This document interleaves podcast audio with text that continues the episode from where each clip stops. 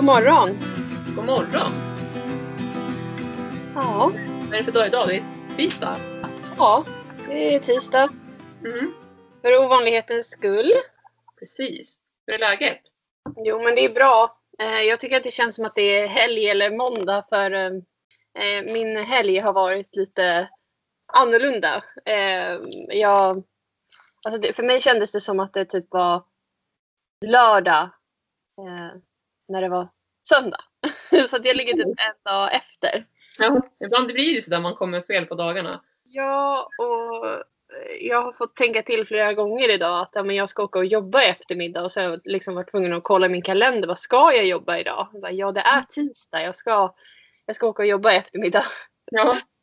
Ja, Men du har varit iväg va? ja det har jag. Jag har varit... Eh, vi åkte i lördags på morgonen. Vanligtvis brukar jag åka på fredagar när jag ska iväg någonstans. Så att det blev liksom en dag förskjutning. Ja. Men eh, vi åkte ner till Växjö i lördags för att eh, tävla med två hästar. Mm. Eh, Shaman och Topover. Mm. Eh, vi skulle rida distansritt, jag och Emma. Och eh, Shaman skulle gå 10 mil och Topover 8 mil. Och jag hade ju egentligen tänkt att Caruso skulle gå 10 milen för att det är han som behöver kvalas på den nivån egentligen. Men eh, alltså hans karleder har ju strulat fram och tillbaka nu eh, ett par veckor. Vad har det varit då? då? Nej, men han, har ju, han får ju problem med att han blir eh, öm. Det blir som mugg ungefär. Och så Ja. blir det skorpor och så blir han alldeles rosa och förlorar pälsen där och då, då blir de ju jättelätt ömma. Just det. Det kan ju bli som sprickor då om de till exempel är ute och springer väldigt långt eller på mycket grusvägar eller hårt underlag. Mm. Eh, Så jag testade ju då att rida ett lite tuffare pass med honom eh, ja, en och en halv vecka innan tävlingen. Och kände då att nej, eh, karlederna, jag ser påverkan på karlederna och vi har bara ridit två mil, vi ska rida tio på tävlingen. Så att jag vågade inte chansa. Nej. Nej. Eh, men eh, då bestämde jag i alla fall att jag skulle rida schaman och min plan var liksom att nej, men nu ska jag faktiskt rida för placering för det har inte jag gjort på jättelänge. Mm. Eh, så ja, vi red första slingan, den var typ fyra mil. Och jag ska väl säga att innan tävlingen startade på morgonen så var schaman helt galen. Han, han har ju problem med stress och eh, kan bli nervös lätt. Eh, och den här dagen så blev han otroligt upprörd och uppjagad för eh, Topover och han fick inte vara på samma ställe. Och det här är ju på grund av coronarestriktioner då, att vi, man är uppdelade i de olika klasserna. Vi hade ett eget viloområde och så vidare. Mm.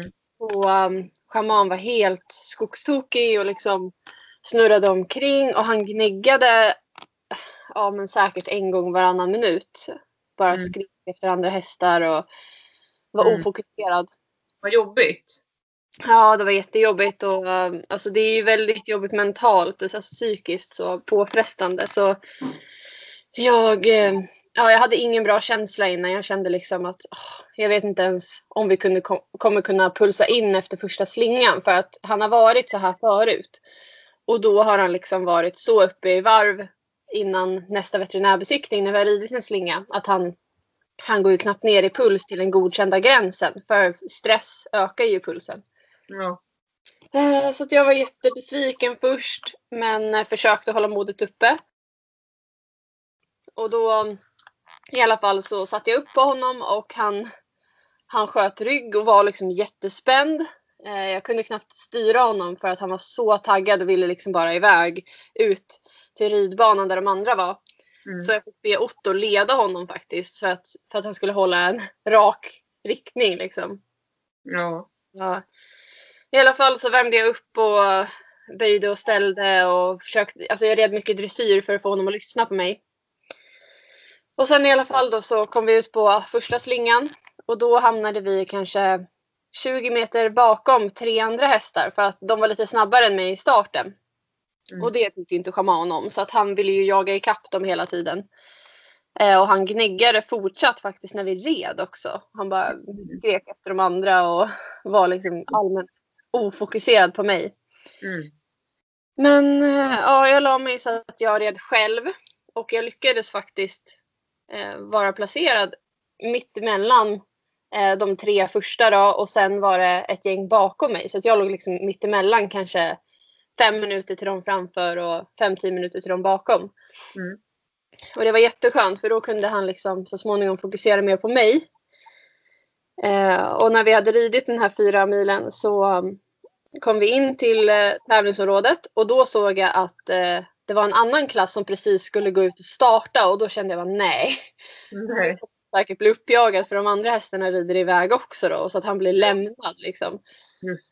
Eh, Men eh, vi kom fram tog av grejerna. Eh, Jag hade ju bara Otto med mig som grom också på grund av corona. Man får inte ha så många personer med sig, bara en. Eh, Vi tog av grejerna och satte jag på pulsmätaren och då hade han eh, 63 direkt i puls. Mm. Och den godkända gränsen är 64. Så um, jag bara kylde lite på halsen och sen så gick vi in till veterinären. Jag tror det tog tre minuter från att vi kom in från slingan och gick till vår, vår plats där vi hängde av grejerna och så in till veterinären. Så det var väldigt snabbt. Det är faktiskt nästan rekord för schaman. Det var verkligen snabbt. Ja, och just eftersom han var så stressad innan så var jag ju otroligt glad och nöjd över att det gick så fort. Mm. Men sen tyvärr så, um, så var han lite oren när vi travade upp. Mm. Um, jag fick faktiskt trava upp tre gånger innan de kunde fatta ett beslut om hur de skulle göra med honom för det var ganska diffust liksom.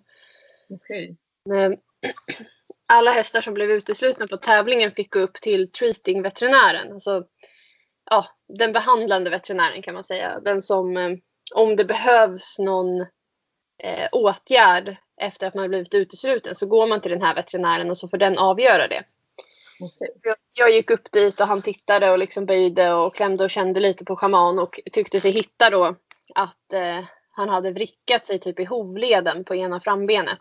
Mhm. Och han sa då att eh, han också blivit stel på baksida lår, på bakbenen då. Där, eh, och troligen då för att han har kompenserat. Eh, han har haft lite ont då på den här, han har vrickat sig och så har han kompenserat bak och blivit stel där. Och Mm. därför var det svårt för veterinärerna att bedöma eh, om han var halt eller inte eller liksom vart det satt någonstans för att han, han försökte kompensera för det liksom. Mm. Eh, men veterinären sa det att det bara riktig otur. Du hade inte kunnat göra något annorlunda. Liksom. Han, har, han snubblade till ute på banan och det kanske var då det hände. Jag vet inte. Men Mm. i alla fall så trodde veterinären att det skulle gå över om typ tre dagar. Jag bara låta honom vila liksom. Så Mm. det var väldigt tråkigt för han var otroligt fin där när han hade koncentrerat sig. Ja. Eh, Men ja, alltså jag var faktiskt inte... Jag var förvånansvärt lugn och liksom inte alls besviken på något sätt. Det är klart att jag hade jättegärna velat placera mig, alltså, för jag hade... Han var i så bra form, eller han är i väldigt bra form. Mm. Men eh, jag var, jag var så himla nöjd att han hade pulsat ner så snabbt och att han kunde gå ifrån det här stressade läget till att koppla, koppla av. Så på något sätt var det det som, ja, det blev eh, större än eh, förlusten då. Mm. Ja, men jag förstår precis vad du menar. Och det jag tänker att det har ju ändå varit en del motgångar här året som vi har pratat om i podden. Jag tänker att det stärker ju en också. Så att när det blir så här så har ju du liksom lärt sig säkert, säkert nu att hantera det mycket, mycket bättre kanske. Än om det alltid går väldigt bra hela tiden. Och när en utmaning kommer då blir det så pass mycket tuffare liksom. Eh, Och som du säger, att man, att man kan glädjas åt det som går bra. Istället för att bara se det som går dåligt. Så det var ju kul. Eh, Ja. Och det är ju som du säger, man blir liksom starkare ju mer tuffa saker man går igenom. Det är inte Mm. lätt att gå igenom tuffa saker men man stärks av det. Precis. Eh, Och då i alla fall så stannade vi kvar en stund på tävlingsplatsen. Vi tog ingen brådska därifrån utan vi plockade undan i god tid. Och sen så ja, avvaktade vi lite eh, tills eh, Toppis kom tillbaka från första slingan och såg att det gick bra för honom. Vi Mm. fick inte hjälpa till då på grund av ja, restriktionerna då. Mm. Att vi stod på håll och tittade liksom. Det. Eh, men sen så, ja, det gick bra för dem. Och eh, då åkte vi till stallet med schaman. Och Mm. plockade undan våra grejer i alla fall. Och så tog vi hand om honom i stallet. Och ja, såg till att han hade det bra där. Och sen åkte jag och Otto faktiskt till hotellet och vilade ett tag. Vi duschade och sen så vilade vi. För eh, vi gick upp klockan fyra på morgonen på tävlingsdagen. Så vi var ganska Mm. trötta. Och resan också tänker jag.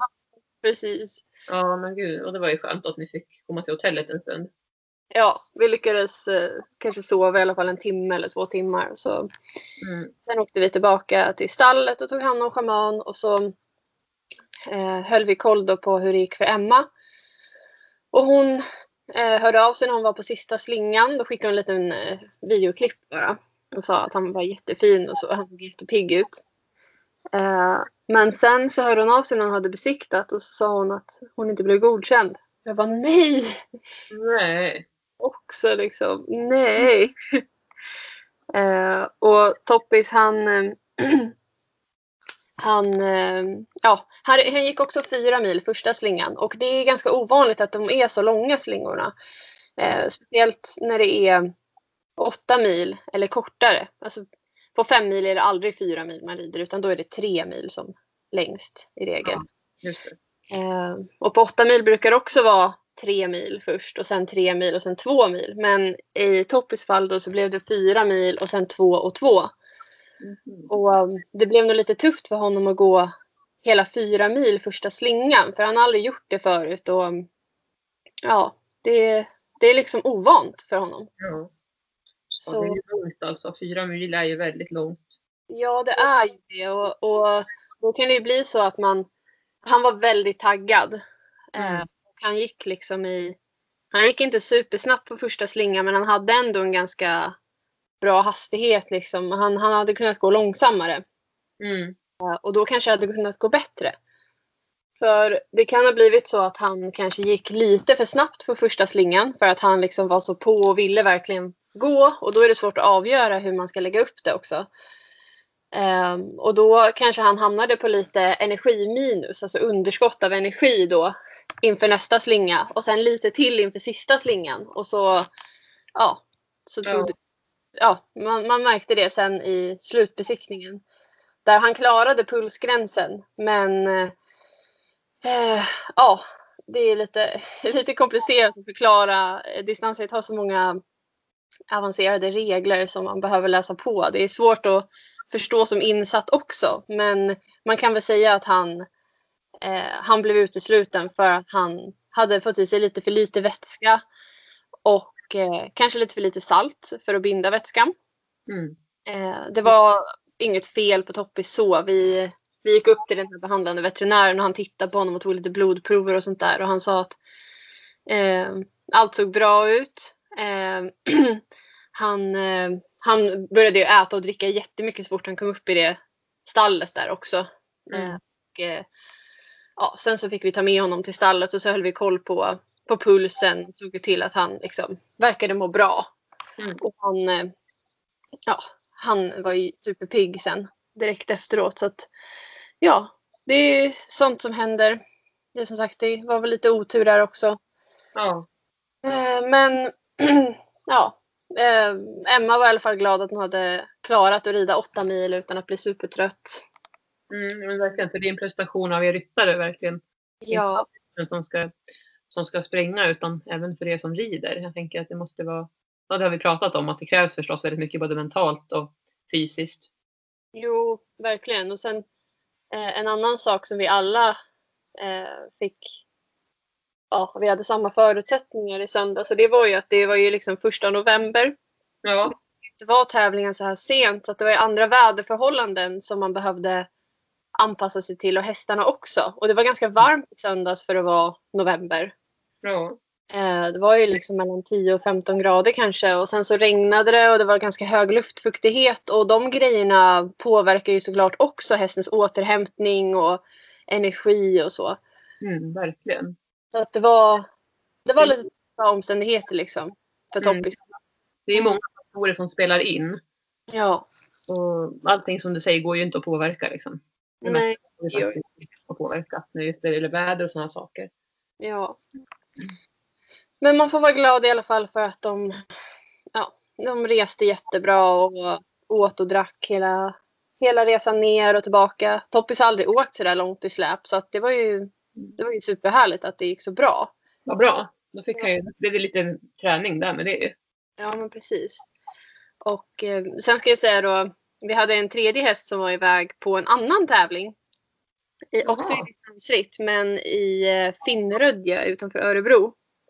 Okej. Och eh, Annik då som eh, rider honom till vardags, det är med, hans medryttare, hon fick åka själv och hon har aldrig kört själv så med häst heller. Så att. Eh, hon tyckte att det var jättespännande liksom, att åka iväg på tävling helt ensam med, med hästen. Hon hade med sig sin kille då som hjälpte till. Men eh, hon var ju den enda som kunde köra släpet och, och så. Ja. Eh, så vi gick ju där i Växjö och väntade då på något besked om hur det hade gått för henne. Och jag, alltså jag kände på mig att det hade gått dåligt. För ja, eftersom det hade gått så dåligt för oss så kände jag bara nej men det, det fattas bara att Annika hör av sig och säger att nej men Abbe blev också utesluten. Så Ja. det var liksom tre av tre uteslutna. Eh, ja. Men eh, hon hörde av sig, det hade gått to- toppenbra och de blev godkända. Det var så. Det gick bra alltså. Ja, de blev mig. Jag trodde att det inte hade gått bra. Nej, Dina tankar. Ja. Ja. nej, men eh, ja, det, det hade gått jättebra och det var nästan det roligaste för eh, Abbe har inte tävlat på två år på grund av, eh, alltså han fick en skada för två år sedan tror jag. Men det var Ja. väldigt diffust. Det var hos veterinär massor av gånger och jag kan inte säga att han var direkt halt men veterinären tyckte att han var lite kort i steget i ena, på ena frambenet och vi liksom höll på och utredde det där i jag vet inte hur länge och till slut kände jag bara nej men nu låter jag honom stå. Så att han stod i säkert ett halvår i alla fall. Mm. Och bara alltså markarbetade så gjorde väldigt enkla saker ifrån marken. Eh, och sen så har vi satt igång honom och så nu två år senare så fick Annik då göra hans comeback och eh, ja, det gick jättebra. Så det, ja, det var verkligen en vinst i sig. Mm, vad kul. Så värmde det upp lite grann. Ja, verkligen. Ja. Så vi, ja. Men det är viktigt att alltså, inte deppa ihop helt efter att det har gått dåligt. Och jag tycker att vi, vi hade en jättehärlig kväll ändå då, då efter tävlingen. Vi, vi åkte till hotellet efter vi hade tagit hand om hästarna och så liksom gjorde vi oss, ja, vi kanske duschade och värmde upp oss lite för det hade varit så kallt. Och så åkte vi iväg och åt på restaurang och hade det trevligt och sen åkte vi tillbaka till stallet och tog hand om hästarna och nattade dem och sådär. Mm, vad mysigt. Ja, så att det, det är viktigt att man som sagt inte grottar ner sig för mycket i att det har gått dåligt utan man Mm. får försöka att hitta glädjen i alla fall. Verkligen. Så är det ju. Ja. Ja. Jag kan berätta om igår så skulle jag ju träna Abbe då på ridbanan och, hade en först en plan på att jag skulle longera honom först och sen tänkte jag att ja men jag kan rida en sväng. För att jag har börjat på med det lite mer nu eh, och ridit några dagar i veckan och så. För att förbereda inför vintern. För han är sån, om han, om han står, för han hade stått nämligen några dagar eh, och bara vilat liksom. Så jag tagit det lugnt. Eftersom att det var höstlov och sådär så har jag varit väldigt mycket ledig och så då. Så då tänkte jag då, men då får hästarna också lite ledigt. Men då när jag longerade honom, det var i förrgår ska jag säga. Då, då var det ju full fart liksom. Och han, han var helt tokig. Han bara sprang och sprang och sprang där inne på ridbanan. Men så tänkte jag, men som igår då, då så tänkte jag, men då longerar jag först och så, där, så att han får göra sig av med eventuell energi även idag och så rida.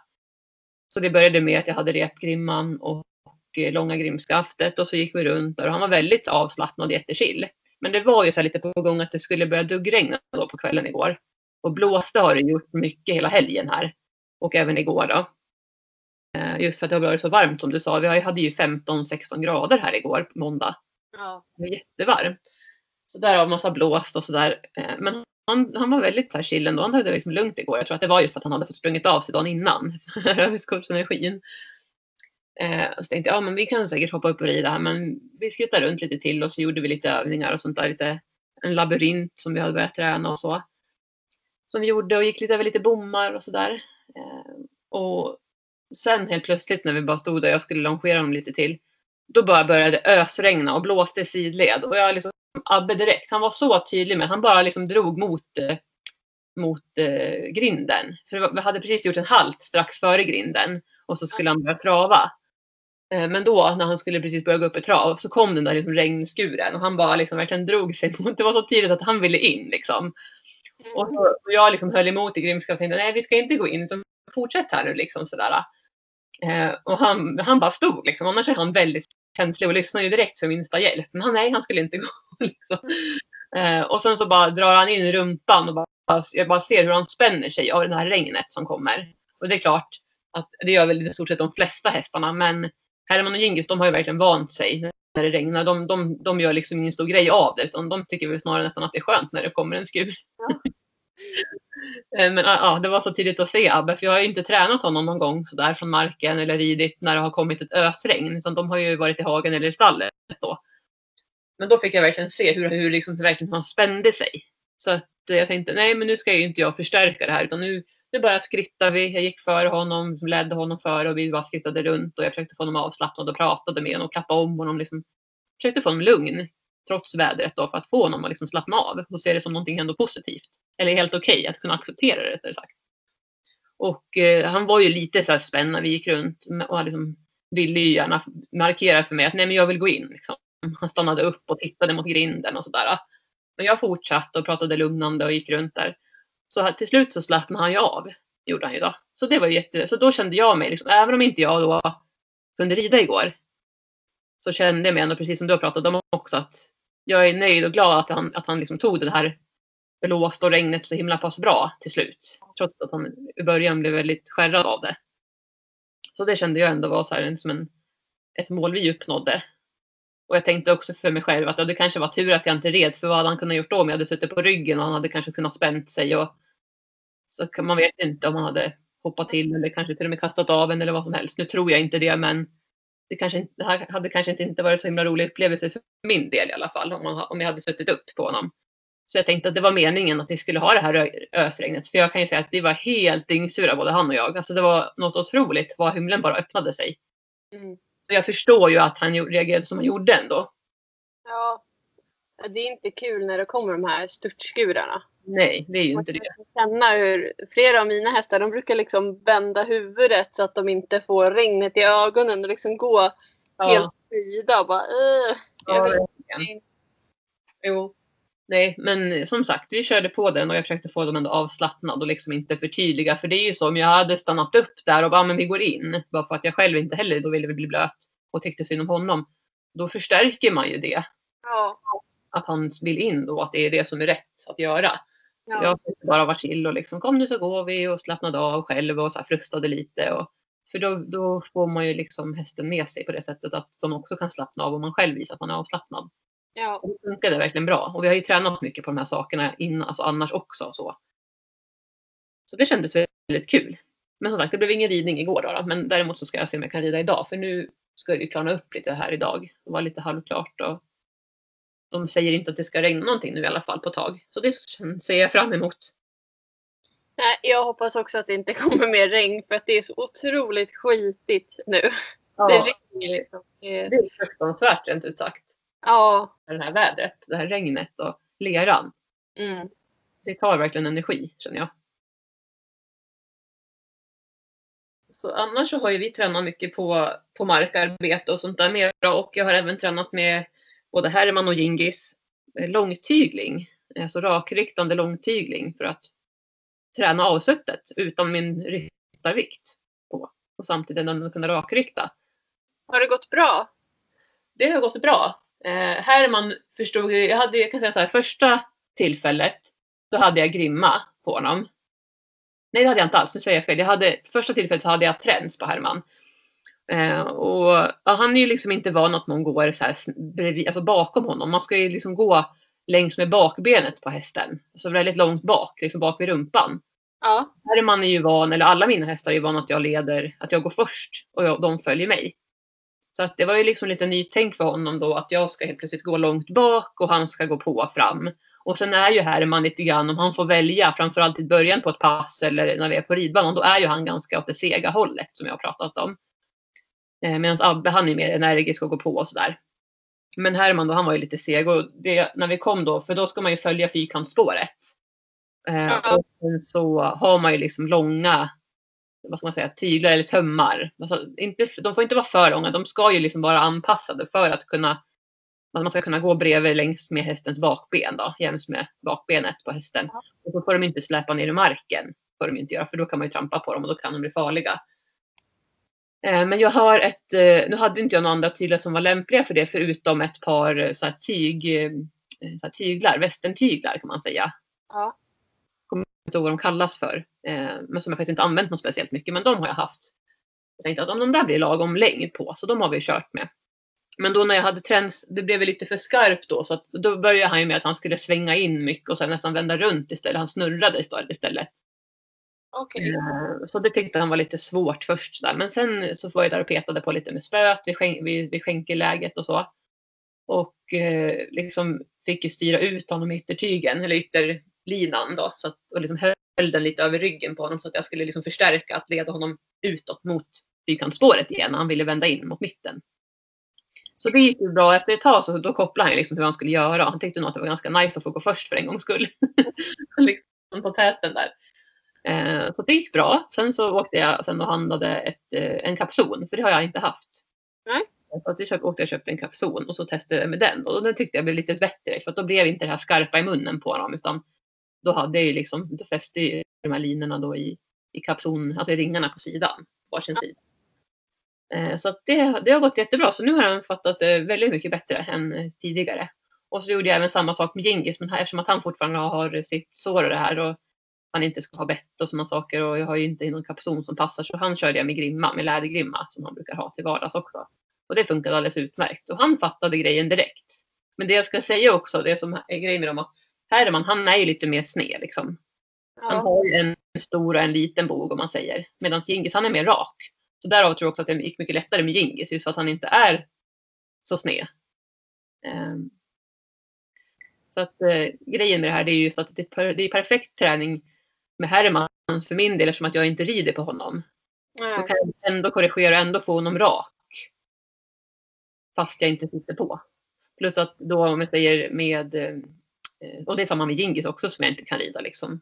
För det är ju så, han har, mycket, han har ju mycket lektioner och sånt där och då blir det ju svårt att rida till hästen när de har så mycket olika ryttare och man själv inte kan rida. Så då är det Mm. ett komplement. Plus att det är ju bra för alla hästar oavsett vad man gör att eh, kunna träna avsuttet men ändå som att man rider. Tygeltag och allt det här. Eh, Så nästa steg är att jag ska testa även det här med Abbe. Men, Ja. men han är ju lite sådär, han, han, kan, han vet man ju inte riktigt. Alltså jag litar inte hundra på att han inte kan kicka i sidled mot mig om han blir irriterad på ett spö eller vad som helst. Så att där vill jag ha någon som leder honom och som, som går före i början för att se hur han, hur han reagerar och sådär. Okej. Så det, och det som man ska tänka på tycker jag är det här som är viktigt eftersom att man går ändå så pass vid bakdelen på hästen så det är ju att ha hjälm och jag har även väst på mig Ja. för att skydda sig så mycket man kan. Jag ska säga det också att det hände ju en incident när jag ledde Abbe här. Och det, var, det var i förra veckan. Det var nog typ, om det var samma dag efter vi spelade in förra pod- poddavsnittet. Då, då ledde jag Abbe och så bara, var det bara någon liten sekund som jag var i andra tankar och precis den sekunden då hoppade han till så att han, han klev på min, på min högerfot.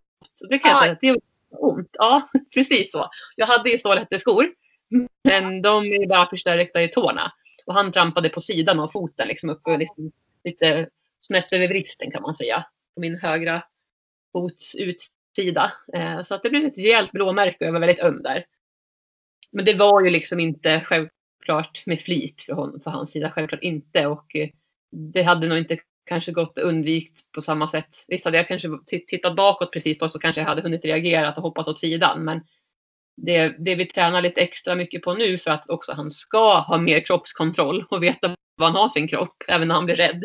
Ja. eh, Är ju att eh, alltså hästen måste bli medveten om var den har sin kropp helt enkelt. Det är ju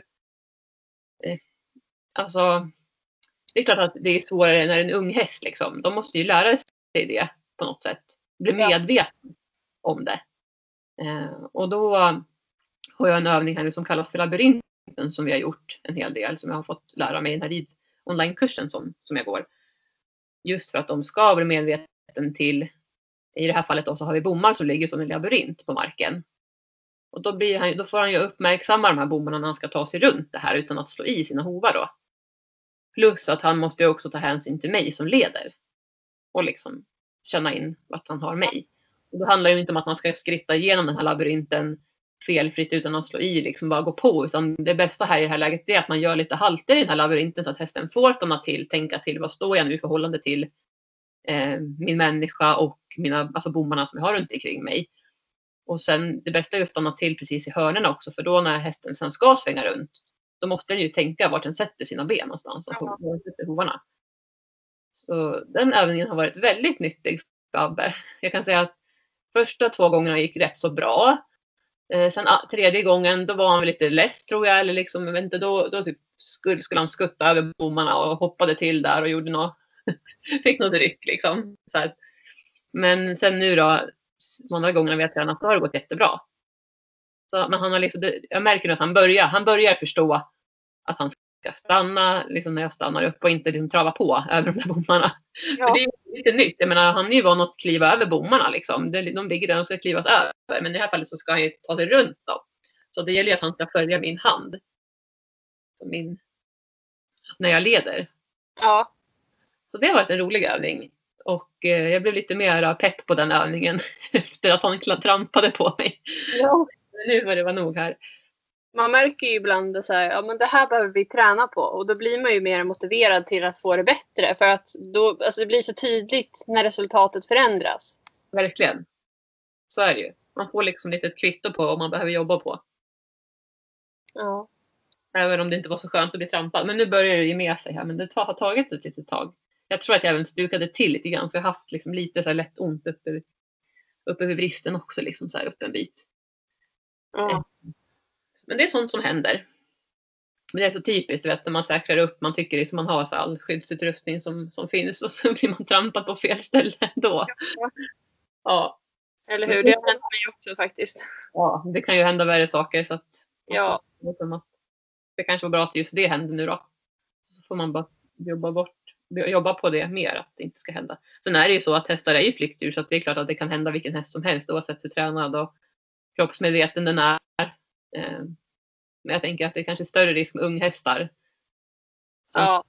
som eh, ja, inte har lärt sig kanske riktigt att kontrollera sin rädsla och det här flyktbeteendet på samma sätt som en kanske lite äldre häst har gjort. Men det är självklart olika. Ja, det är ju så. Ja. Men det är väldigt nyttigt att träna dem ifrån marken. Just för att de blir mer uppmärksamma på att vi faktiskt är där. När vi är på ryggen då, då följer vi med på ett annat sätt. De ja. behöver vara lite mer försiktiga när vi går bredvid dem eller står bredvid dem. Mm. Verkligen.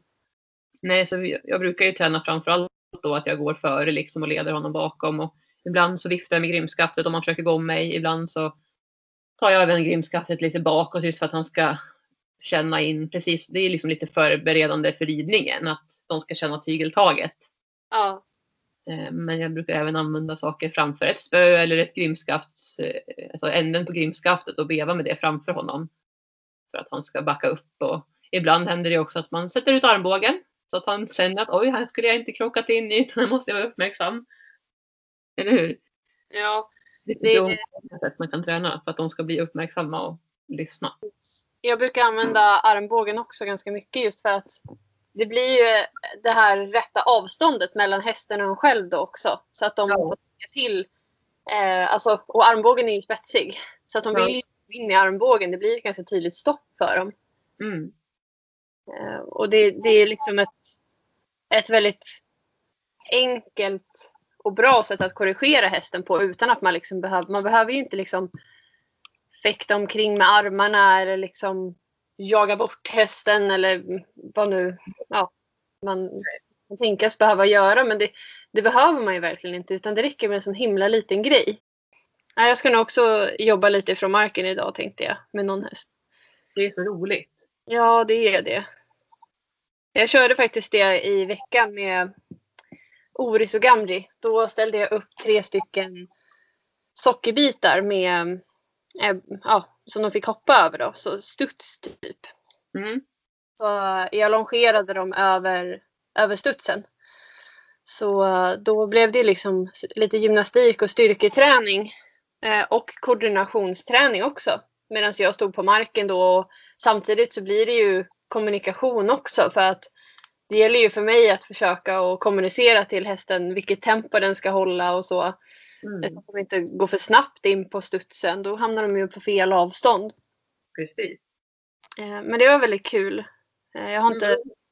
Ja, men det är roligt att göra lite nya övningar eller sånt som man inte har gjort på ett tag. Ja, eller hur? Man behöver ju det, det behöver hästen också, lite variation. Sen Ja, beroende på, på utbildningsnivå och erfarenheter så får man ju känna in bara så hur mycket man ska göra så att man inte kanske gör för mycket olika saker med sin häst på samma ridpass. För det tror jag, vi människor har ju den här förmågan att vi kan tänka på så mycket saker och liksom vi kan ha så här, ja men det här vill jag göra och det här också, det här ska vi göra. Men en häst, liksom, de mår ju nästan bäst av att få göra en sak i taget, liksom en sak åt gången i stort sett. Man kanske kan lägga in någon liten extra grej men att det inte blir för mycket saker som den ska göra. För då ja, ja, det är bättre att göra alltså, liksom lagom lång tid och även liksom lite lagom mycket. Alltså mycket saker, utan att det inte blir för mycket saker. ja. Men Vad säger du Josefin, håller du inte med där? Att, Jo, man... eh, Och sen kan det ju vara att man har en ursprungsplan som då när jag hoppade studsen där i veckan så var Gamji skulle göra det och han var... Han ville ha alldeles för hög fart. ja, Så eh, han hamnade ju fel hela tiden på studsen och eh, blev liksom stressad och uppjagad och då korrigerade jag honom. Men han tyckte att jag var... Alltså han blev lite stressad av när jag korrigerade honom också för att jag bytte varv då ganska frekvent för att få honom att koncentrera sig. ja, Det var inte riktigt rätt teknik för honom utan då blev han lite mer uppjagad och sprang ännu snabbare och det blev ju inte bra. nej, Då fick jag liksom backa tillbaka lite och säga okej, nej men då går vi tillbaka till att trava på en lite mindre volt så att han är tvungen att liksom ta det lugnt först. Och sen börjar vi om igen. Och så då kunde jag kanske inte göra exakt det jag hade tänkt från början utan jag fick ändra lite grann för att det skulle bli rätt för honom. mm, Man Bra. kanske inte bara kan göra, eh, om man har tänkt att man ska göra tre olika saker med de här studsen då säger vi. Mm. Men jag kanske bara kunde göra två av grejerna. För att det, han var inte riktigt där för att göra den tredje.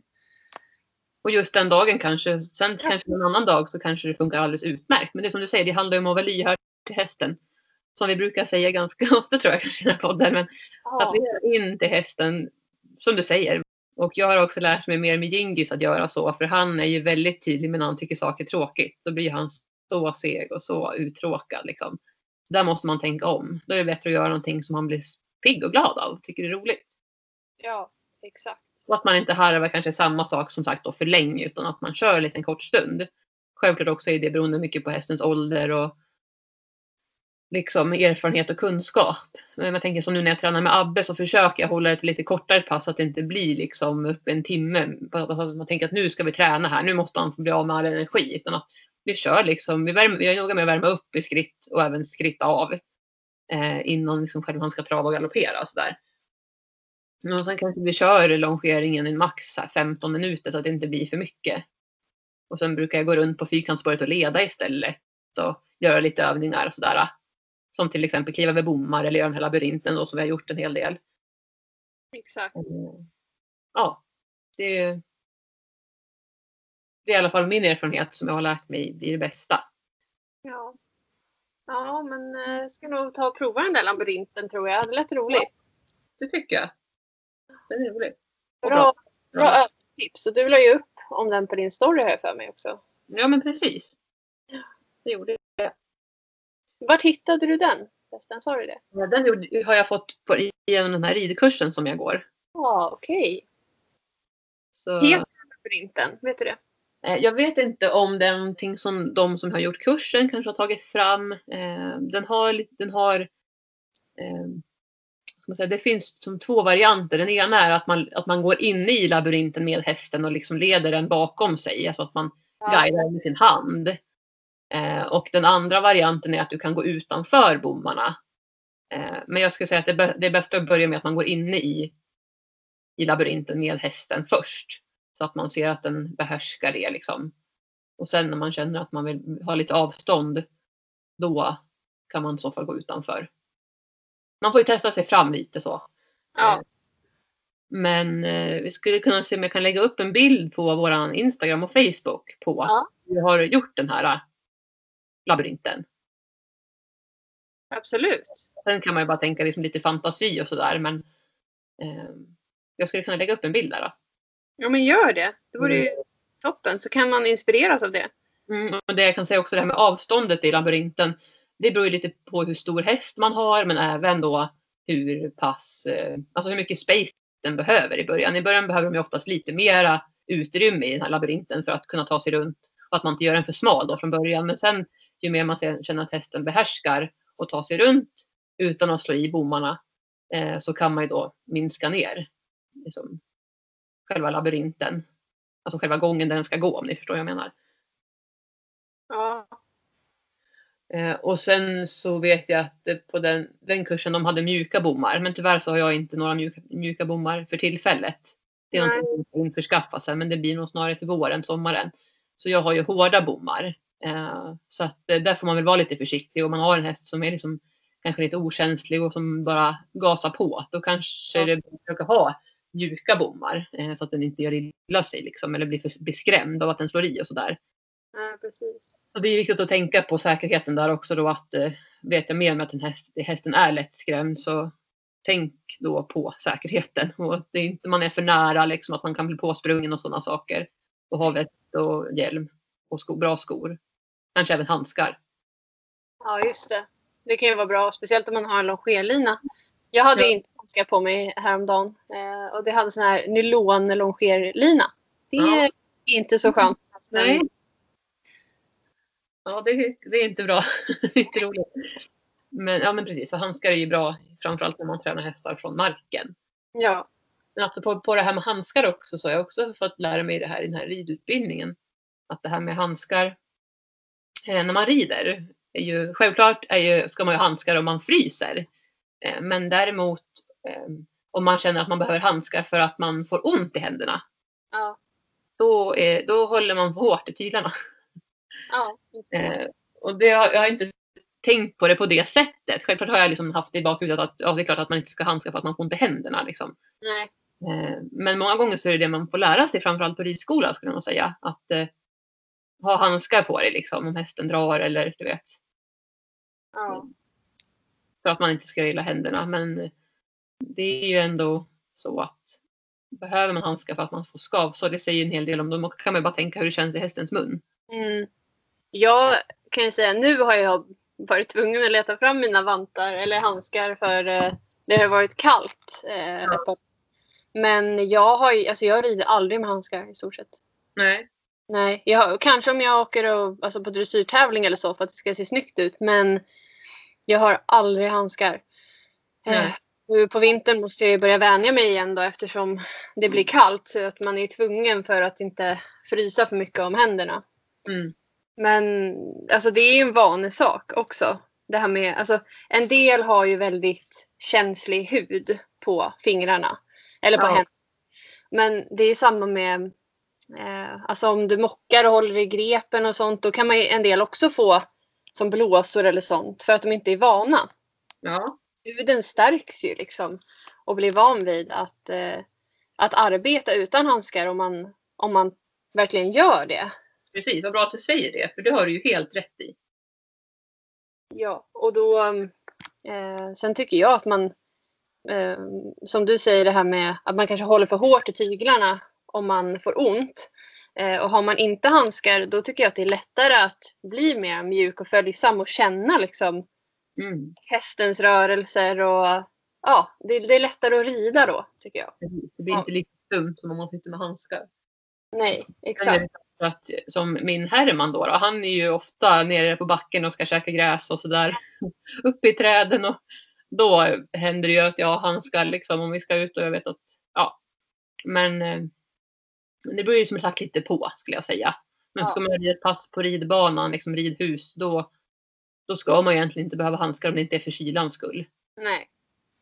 man ska inte få ont i händerna. Det kan ju vara att man själv sitter och kniper åt och spänner sig också. Det behöver inte vara att hästen gör någonting, att den är stark eller så, utan att man bara gör, att man bara spänner sig. Just för att man kan det när man har handskar så tänker man inte på att man håller för hårt liksom. Nej, precis.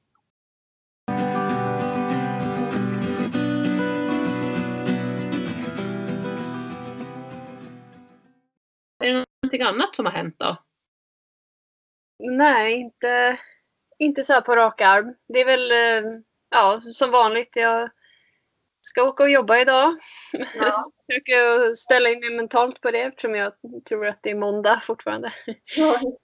Men eh, nej, och sen så är det väl, blir det väl kanske lite lugnare nu då för mig. Med, eh, nu är det inga tävlingar kvar. Så att, eh, det blir lite lugnare framöver kanske. Mm. Men hur känns det? Tycker du? det känns... Eh, alltså på ett sätt hade jag ju, öns- jag hade ju verkligen önskat att vi skulle få ett bättre avslut på tävlingssäsongen. Men eh, eh, ja, jag är samtidigt väldigt laddad att eh, förbereda mig för 2021 och hoppas på att, att det kan bli mer av ett normalt år då. Mm. Eh, att corona också lugnar ner sig och nu, nu när det inte är mer tävlingar och alltså det mesta har ju uppehåll den här årstiden även när inte corona fanns.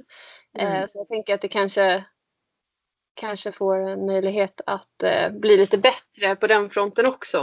För nu är lov, höstlovet slut och ja, Mm. det, den här årstiden när man bara vill kura ihop sig inomhus och under en filt typ och Mm. ta det lugnt för det regnar och är lerigt ute. Mm. Ja, Men ska vi säga så då för den här veckan? ja, vi gör det. Mm. Så får vi, vi får önska alla en, eh, en fin vecka och eh, ja, så hörs vi igen. Det gör vi. Hoppas att vi får lite solglimtar här nu då i veckan. Ja, hoppas det. Ja, det behövs. Ja, verkligen. Ha det så bra. Ha det så bra allihop. Kram, kram. Kram, kram. Hej då! Hej då.